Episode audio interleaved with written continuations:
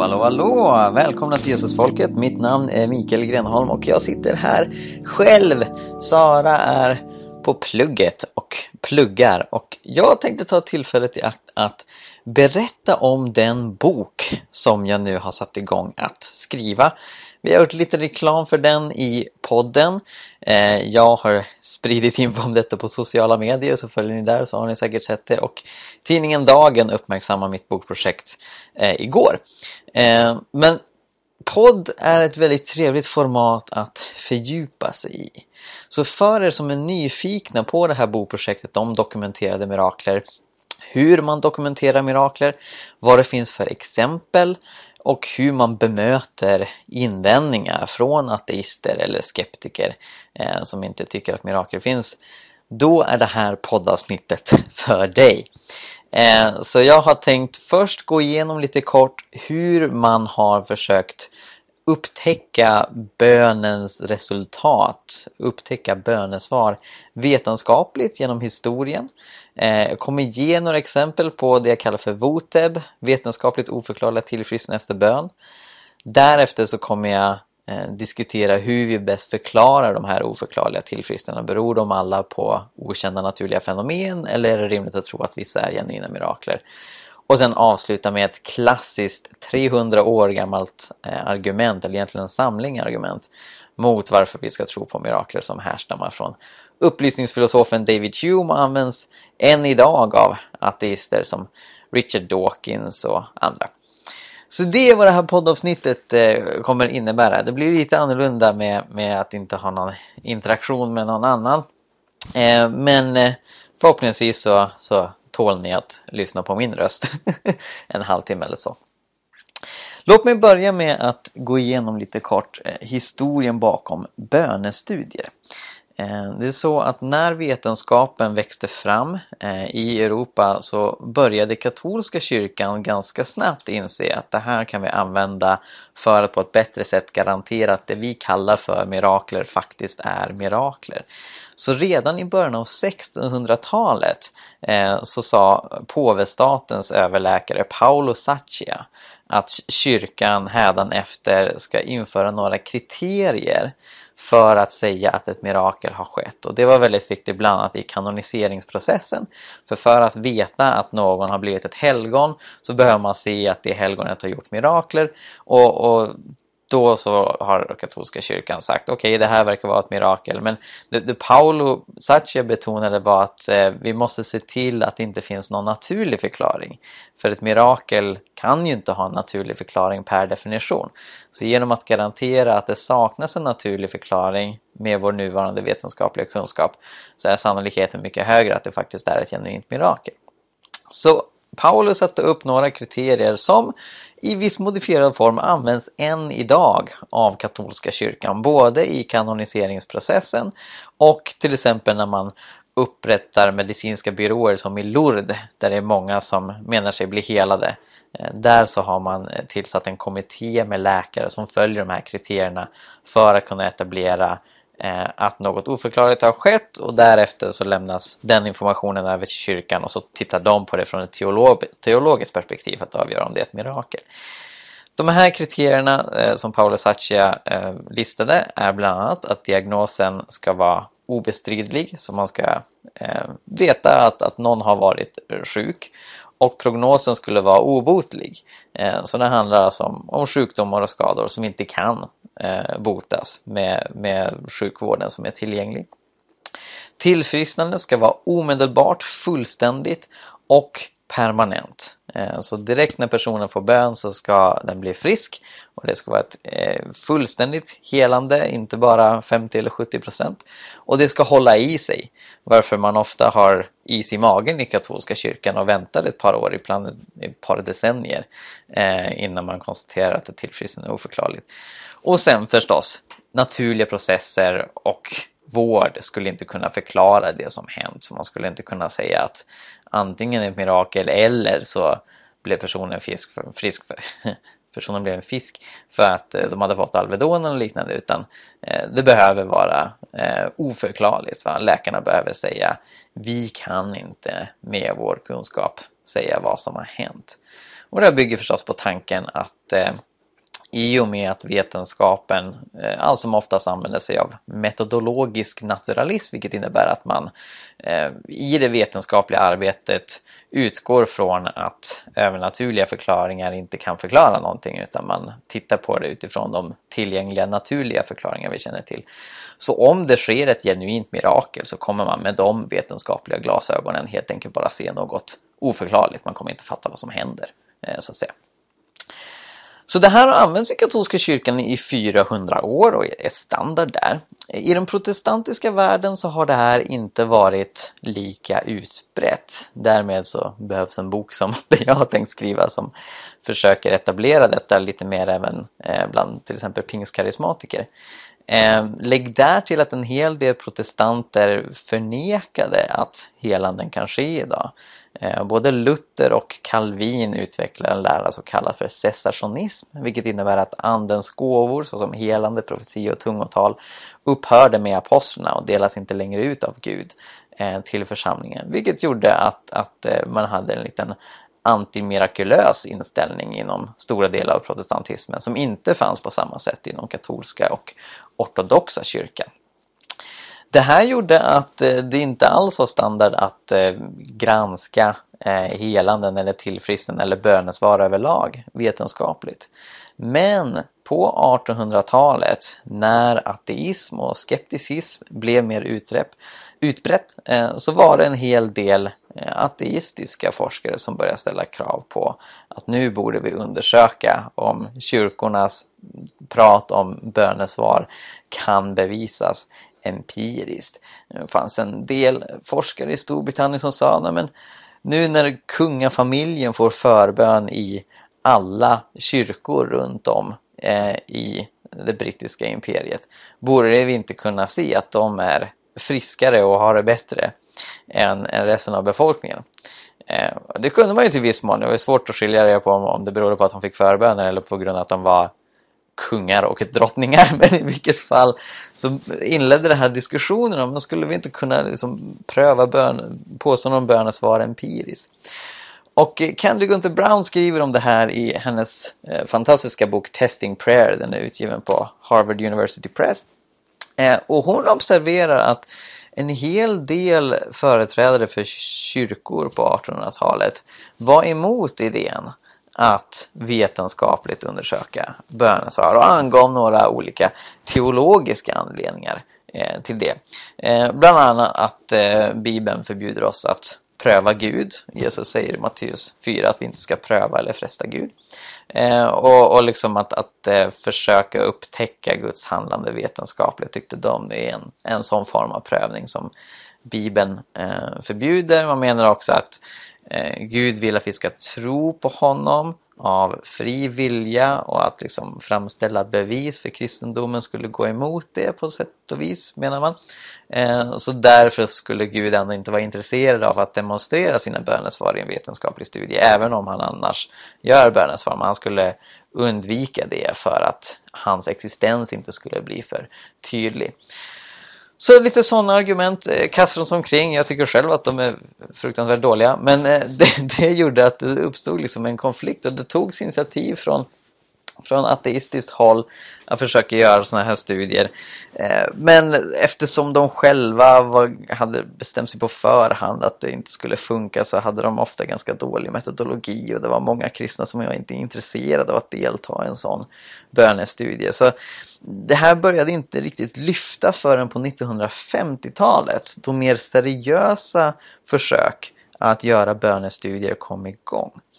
Eh, och resultaten var väldigt intressanta. De använde sig av, av, lite olika metodologi och kollade på lite olika sjukdomar. Det vanligaste var att man helt enkelt undersöker sjukdomar som, som folk brukar bli bättre på eller man tittar på hur eh, eh, hur det går för patienter som blivit opererade, om det blir komplikationer eller inte. Och så ber man människor att be för tillfrisknande, be för att eh, operationen ska gå bra, att det inte ska bli komplikationer och sen så jämför man då de som man vet har fått bön med, med de som man eh, inte vet har fått bön och försöker se något resultat. Eh, och sådana här kvantitativa bönestudier har gett lite olika resultat. Flera av dem har gett positiva resultat så man kan se att de som fick bön mådde lite bättre. Eh, men den mest kända bönestudien eh, publicerades för inte allt för länge sedan eh, och plockades upp av, av eh, ateisten Richard Dawkins. Eh, och den visade faktiskt att de som hade fått eh, bön och eh, inte visste om det inte hade förbättrats efter en hjärtoperation eh, mer än de som inte fick bön. Och de som fick bön och visste att de hade fått bön, för dem gick det till och med sämre. Eh, och det tolkade forskarna som att när man meddelade dem att vi har satt in bönestöd för dig så blev de extra stressade och det gjorde att eh, komplikationer eh, ökade. Den här studien skrevs av Herbert Benson med flera. Man studerade 1800 patienter. Och ja, resultatet var som sagt eh, inte så positivt. Eh, Richard Dawkins lyfter det här i Illusionen om Gud. Han kallar det för det stora bönexperimentet. Han menar att det här är ett bevis för att Gud inte svarar eh, på bön. Eh, Candy Gunnar Brown tar upp denna, observerar att eh, väldigt många av de som bad under den här bönestudien eh, kom från Unity Church. Eh, som eh, har sitt ursprung i New Thought-rörelsen som är väldigt likt eh, New Age. Eh, de eh, förkastar traditionella kristna läror. De menar att eh, eh Jesus är Gud i samma bemärkelse som alla människor är Gud. De menar att alla religioner leder till Gud.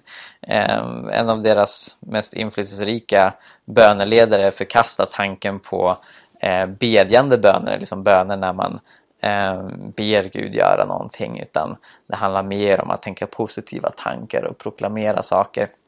Ehm, och, och i, i, det är väldigt, väldigt svårt att porträttera den här rörelsen som kristen. Även om de kallar sig för kristna, de kallar sig för en kyrka. Men det är på samma nivå som mormoner kallar sig kristna, eller Jehovas vittne.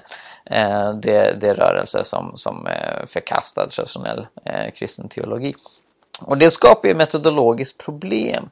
Och Kennedy Gunnar Brown tar också upp några eh, studier, några samlingsstudier som, som tittar på eh, en rad olika undersökningar och försöker eh, få ett, eh, någon slags eh, ja, genomsnitt i hur människor påverkas av bön.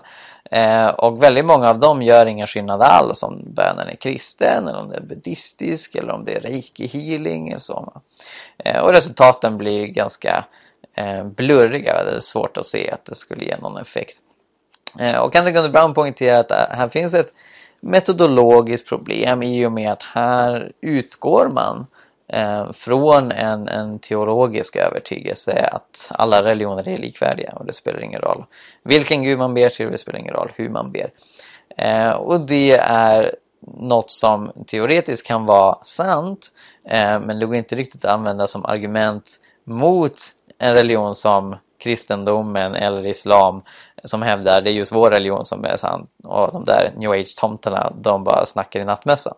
Eh, så därför så har de här studierna metodologiska problem. Och det finns ett annat stort problem eh, som är väldigt svårt att komma runt. Och det är när man skapar kontrollgrupper som eh, så att säga inte får bön. Så går det inte att garantera att de inte får bön. Eh, man kan försöka garantera att de inte får bön på samma sätt. Eh, men men det, det är ju onekligen mycket svårare att garantera att någon har inte fått bön än att garantera att någon har inte fått det här läkemedlet som undersöker. Och ett tredje metodologiskt problem är just att det här är en naturvetenskaplig metod som man använder för att undersöka eh, bönens läkande egenskaper. Man behandlar bön ungefär som ett läkemedel. Eh, men om bön är bön, om, om man ber till andliga varelser och de svarar så handlar det ju mer om interaktion med intelligenta individer. Vilket gör att det hamnar närmare eh, humanistisk vetenskap, naturvetenskap. Eh, vi kan inte förvänta oss att dessa varelser, om de finns, agerar som ett piller. Utan de agerar snarare mer som människor. Eh, och humanistiska vetenskaper är mer toleranta för avvikelser på det sättet. Man förväntar sig inte att om du gör X så kommer alla människor göra Y utan man förväntar sig större variation vilket kan förklara till viss mån varför inte alla som får bön automatiskt blir helade när vissa tycks bli det. Eh, Candy Gunther Brown själv valde en annan approach när hon skulle undersöka bönens kraft. Hon for ner till Mosambik med några läkarkollegor, besökte Heidi Bakers missionsorganisation Iris Global eh, och de åkte ut i bussen eh, när Iris predikade evangeliet och bad för sjuka.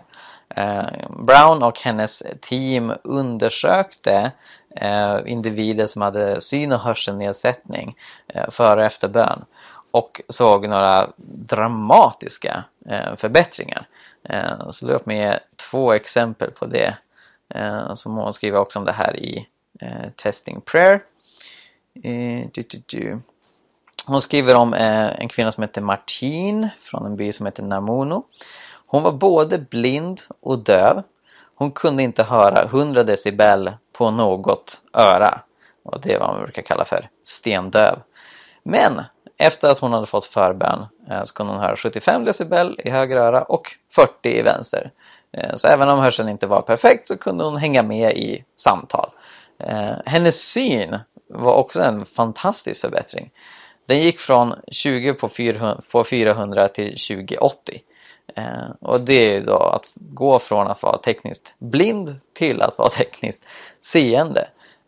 Den enda vård hon fick mellan de här mätningarna var förbön. Eh, de bad i Jesu namn att hon skulle bli frisk.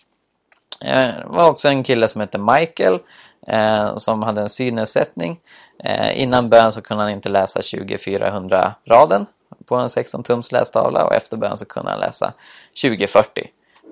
Så det var en dramatisk förbättring som de såg. Och, och, här faller vi in i, i det vi kommer komma in på nu. Oförklarliga tillfrisknanden. För att det finns ingen etablerad vetenskaplig förklaring till hur det kan ske. När ingen vård ges annat än den här bönen. Eh, så, så finns det utifrån naturalistisk vetenskap ingen förklaring eh, överhuvudtaget eh, till att det här kunde ske. Och det Brown gör att hon utgår från dessa eh, fallstudier presenterar de och argumenterar för att det tycks finnas något i pingstkarismatisk bön eh, som leder till hälsoförbättring. Eh, och hon själv sätter inte ner foten vad det kan vara. Eh, men hon är definitivt inte stängd för möjligheten att det kan bero på genuina bönesvar. Låt mig ge några fler exempel på VOTEB, vetenskapligt oförklarliga tillfrisknande efter bön. Eh, Richard Castorf som är läkare skrev en eh, bok för flera år sedan, kom ut på 70-talet eh, om olika oförklarliga tillfrisknanden efter bön som han har observerat. Han skriver om Ray Jackson som fick sin njure borttagen 1972 på Duke University Medical Center. Och det gjordes på grund av att han hade cancer. Han återhämtade sig ganska bra efter att njuren togs bort. Men två år senare så fick läkarna kapa ett finger på honom för att de såg att cancer hade spridit sig dit. Och kort därefter så fann de cancer i ryggraden, bäcken, bröstbenet och benen. Och den här gången var operation eh, uteslutet. Man gjorde en, en eh, benskanning, eller två stycken till och med, som finns eh, återpublicerade i Castorfs bok. Eh, det beslutades att Jackson skulle få strålbehandling, eh, men läkarna uppskattade att han inte skulle leva längre än ett år. Han fick förbön och innan hans strålbehandling påbörjades så vaknade han på natten och så hörde han en röst säga till honom att han skulle bli botad. Det är ju inte en del av den vetenskapliga dokumentationen, det går man ju bara på vad han själv säger. Men det är signifikant av anledningar som kommer att komma tillbaka till senare.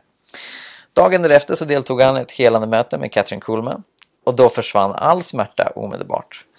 Eh, fler tester togs och nytt friskt ben hade fyllt i eh, Eh, där eh, cancerceller hade varit. All cancer var spårlöst försvunnen. Eh, så det här var ett, ett dramatiskt helande och inte nog då med att, att cancern försvann utan också att eh, eh skelettdelar som hade vittrat bort eh, fanns där på nytt. Och det kunde man se då i, i benskanningen som man gjorde. Så det var väldigt eh, dramatiskt eh, tillfrisknande.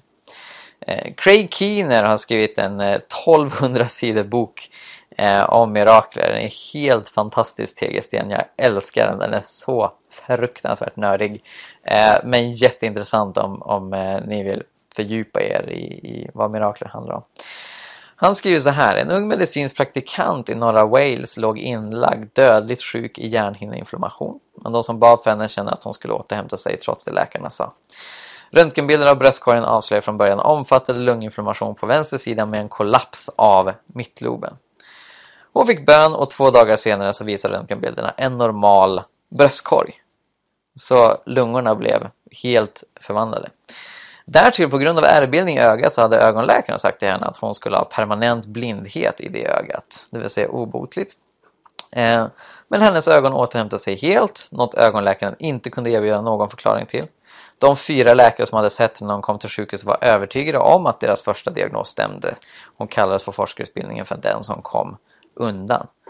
Så det här är också rätt så vattentätt. Eh, om vi litar på läkare i normala fall så bör vi lita på läkarna även här när de säger att eh, deras första diagnos stämde. Eh, hon var dödligt eh, sjuk. Eh, hon hade hjärnhinneinflammation, hennes lungor hade kollapsat, eh, hon skulle vara permanent blind i ena ögat och hon blir totalt frisk eh, efter bön och de kan inte erbjuda en vetenskaplig förklaring eh, till varför så var fallet. Eh, låt mig därtill berätta om Maria Johansson eh, som blev eh, frisk ganska nyligen. Hon har precis kommit ut med en bok på Sjöbergs förlag som heter Mitt livs mirakler. Och där beskriver hon hur hon från och med 2012 gradvis började tappa hörseln. Eh, till slut så kunde hon inte prata i telefon, hon blev beroende av att läsa på läpparna. Läkarna sa att hon skulle förlora hörseln helt om hon inte gjorde ett cochlame-implantat i örat. Söndagen 21 augusti 2016 så åkte Maria tillsammans med familjen på en gudstjänst i sin lokala församling. Per och Abby Åkvist, missionärer i Etiopien, var med där. De bad för Maria som inte hade särskilt stor tro för att något skulle hända. Hon hade ju fått förbön många gånger för. Men Överraskad så upptäckte hon att hon plötsligt kunde höra lovsången och det efterföljande dygnet så njöt hon av att kunna höra alla ljud klart och tydligt. Eh, hon lyckades inte somna utan hon låg och lyssnade på alla ljud tills eh, tidningen damp ner på, på morgonen. Eh, 9 september 2016 så gick Maria och hennes man Peter till sjukhuset. Audionomen sa att hon hade hört vad som hade hänt, ryktet hade spridit sig. Hon satte igång med tester.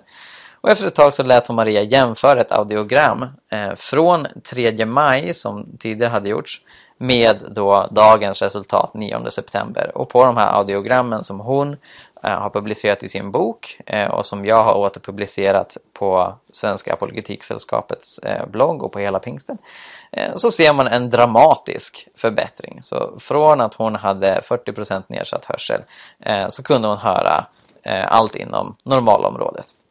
Eh, det har hänt något med dina öron som jag helt enkelt inte kan förklara, sa läkaren. Du kan kalla det ett mirakel. Och låt mig också berätta om eh, Elise Lindqvist, ängen på Malmskillnadsgatan som har skrivit en, en otroligt fascinerande bok som jag verkligen eh, berättar. Hon insjuknade i cancer. Hon hade en eh, cancertumör i rygg, ryggslutet och metastaser hade spridit sig. Eh, och prognosen såg eh, förfärligt eh, dålig ut. Läkarna sa att det här kommer hon inte överleva. Hon var med på eh, en karismatisk konferens i Sankta Clara kyrka då hon är aktiv 1999. Det var en anglikansk eh, präst eh, bad för henne.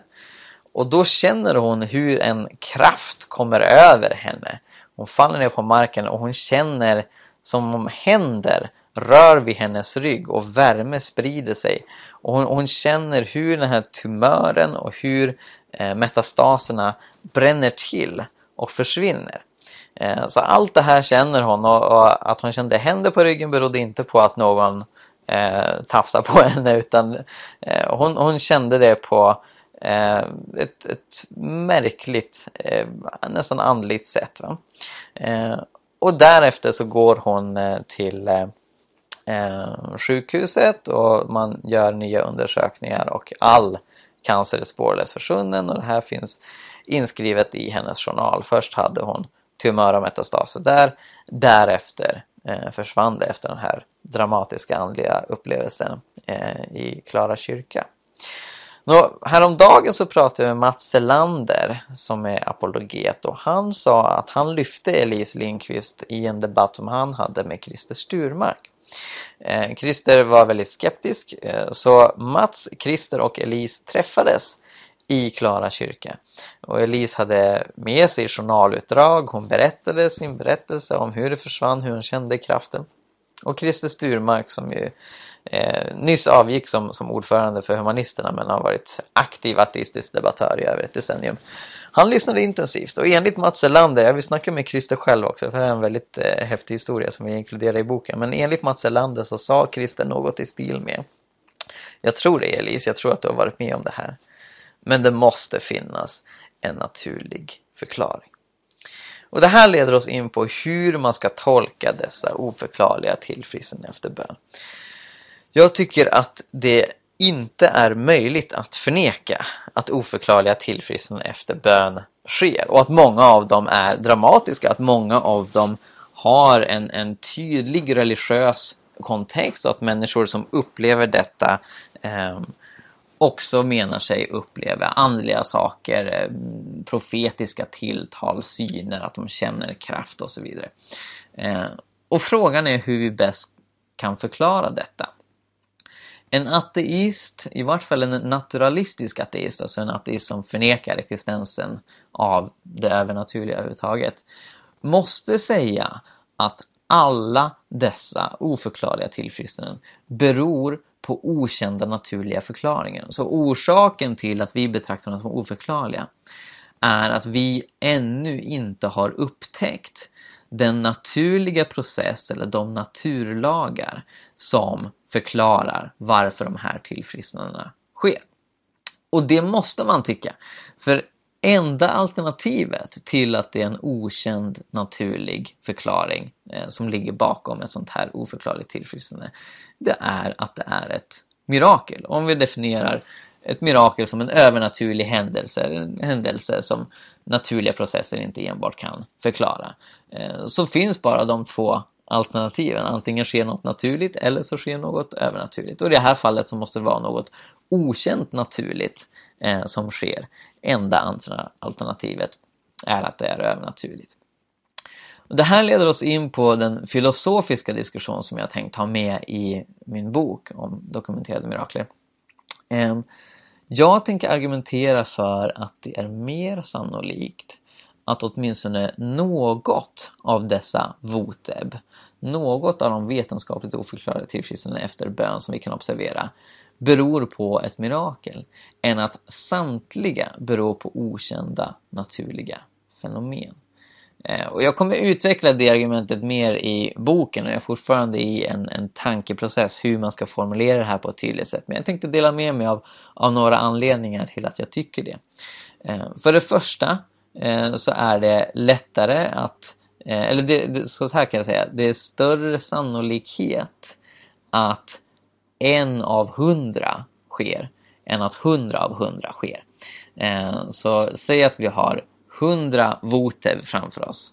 Eh, sannolikheten att ett av dem beror på X är större än att 100 av dem beror på Y. Alltså, eh, det, på grund av att, att det är färre saker som behöver etableras eh, så, så har mirakelhypotesen eh, ett försprång.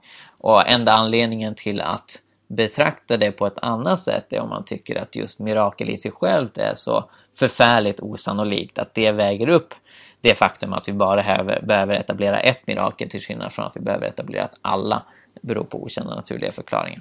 Men vi kommer komma tillbaka till det. Ehm, det finns en annan eh, anledning till att vara skeptisk till att allt beror på okända naturliga fenomen och det är att de här tillfrisknandena ser så olika ut. Så tillfrisknanden från cancer, dövhet, andra sjukdomar och åkommor också eh, som jag kommer ta med i boken. Eh, och det här är sjukdomar och åkommor som är rätt olika i karaktär och kräver olika saker i kroppen för att bli friska. Så att vi behöver prata om, om en rad olika okända eh, naturliga fenomen. Och det är mindre sannolikheten att erbjuda en universal förklaring till varför ett oförklarat tillfrisknande sker. Vilket mirakel eh, är. Eh, och sen har vi tajmingen, att eh, väldigt många av de här blir friska omedelbart under bön. Och som sagt, en hel del vittnar om andliga upplevelser i relation till det.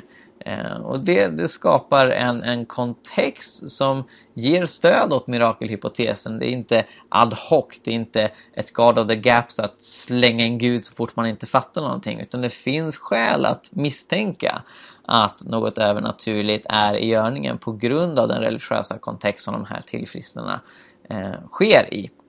Eh, och i och med att eh, tillfrisknande så ofta sker i omedelbar relation eh, Ehm, till bönen så stärker det hypotesen att det faktiskt har med bönen att göra. Medan om eh, allt beror på okända naturliga fenomen så är det en väldigt lyckosam slump att flera av dessa tillfrisknanden sker eh, samtidigt eh, som någon ber. Man kan inte presentera någon länk eh, mellan bönen och tillfrisknandet. För det ska jag också tillägga att när vi säger att ett tillfrisknande är oförklarligt då har vi uteslutit saker som placebo och psykosomatiska effekter. Placebo syftar på att man blir friskare för att man tror att man blir friskare. Man, man är övertygad om att nu har jag fått ett botemedel, nu har jag fått vård och därmed så kommer jag bli friskare. Även om det man har fått bara ett sockerpiller, det är liksom fake. Men man tror att man kommer bli friskare och då blir man friskare. Eh, och ateister har ofta en väldigt stor tro på placebo. Jag brukar säga att många ateister har större tro på placebo än vad många kristna har på Gud.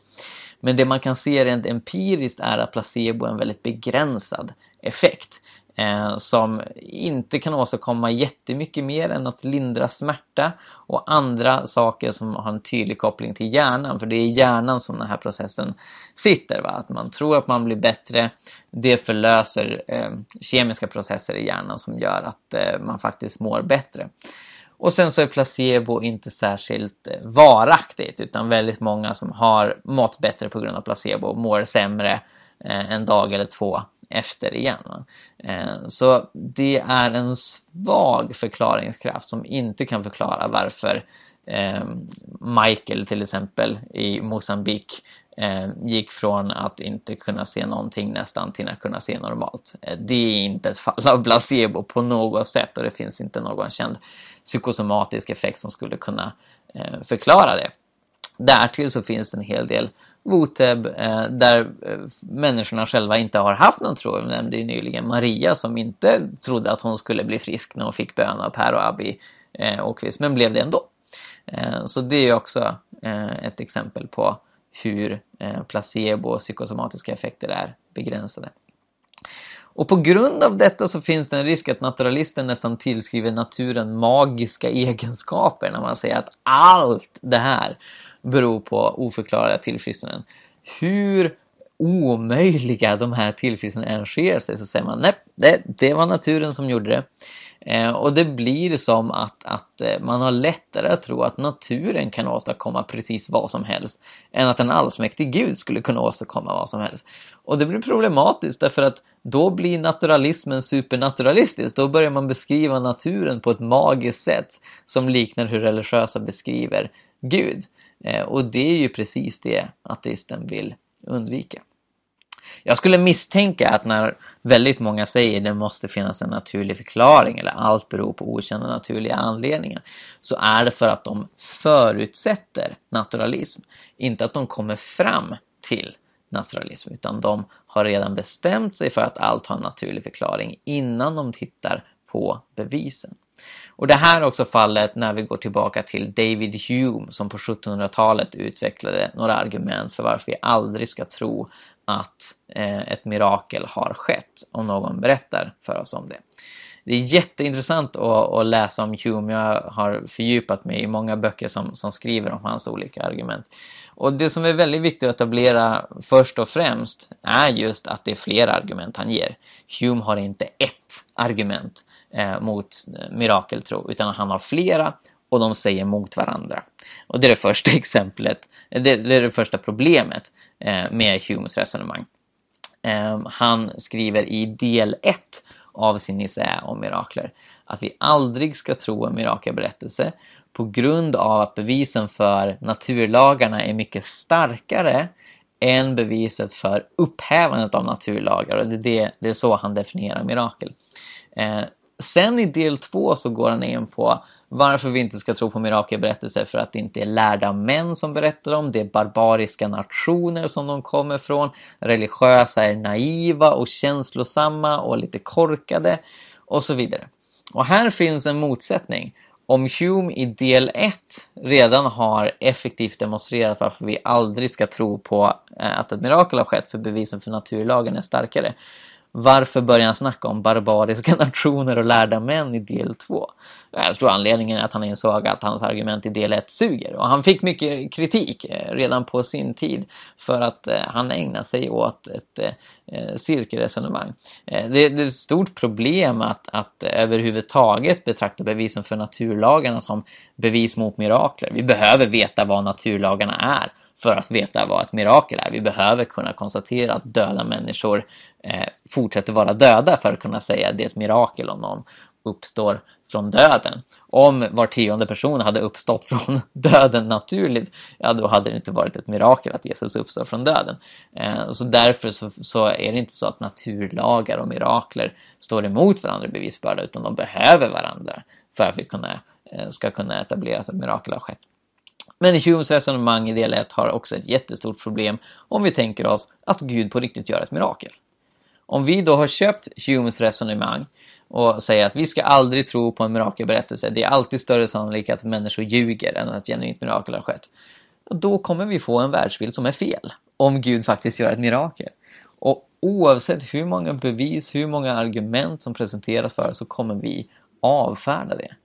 Eh, ett känt exempel på, på hur problematiskt det här är som användes på Humes dagar var om vi tänker oss att det kommer några brittiska kolonialister till Indien och berättar för en eh, indisk prins om hur hemma i England när det är vinter så kan vi gå på vattnet för då fryser vattnet till is och det blir så starkt att vi kan vandra omkring på det.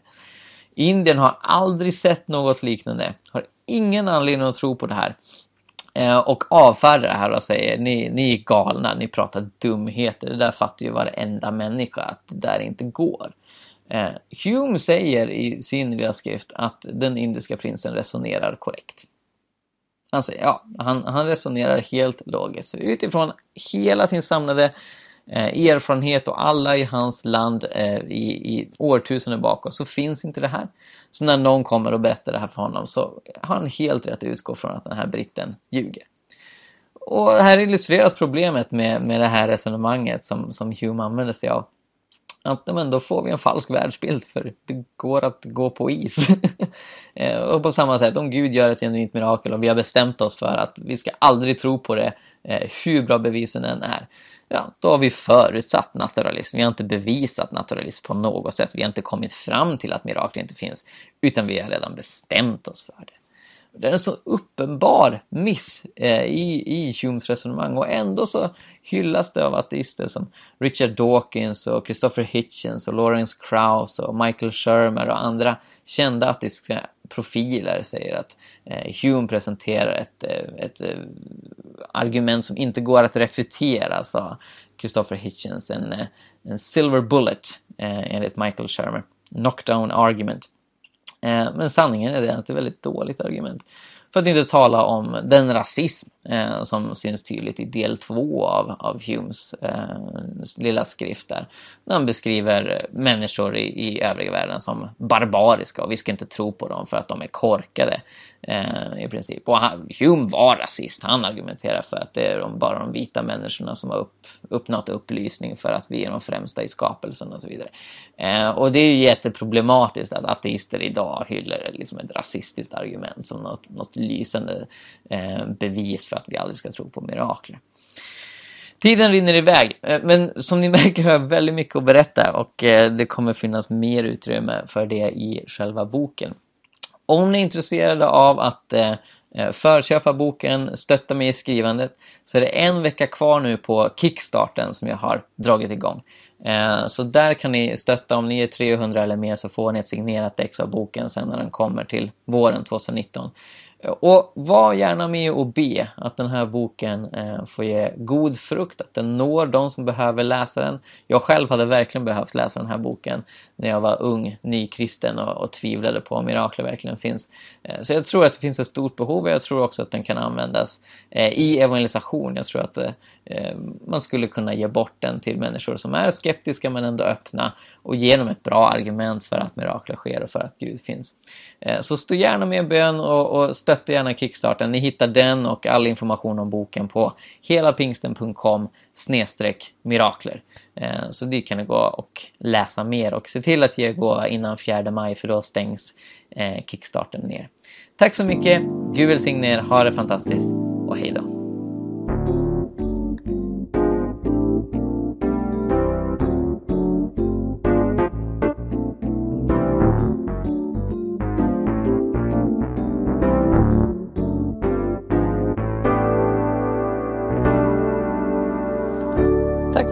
på Jesusfolket. Den här podden drivs av Jerusalemprojektet som också står bakom bloggen Hela Pingsten. Och för att se hur du kan stödja och hjälpa oss utveckla podden vidare, gå in på jerusalemprojektet.org och läs mer. Gud välsigne er, ha det bra!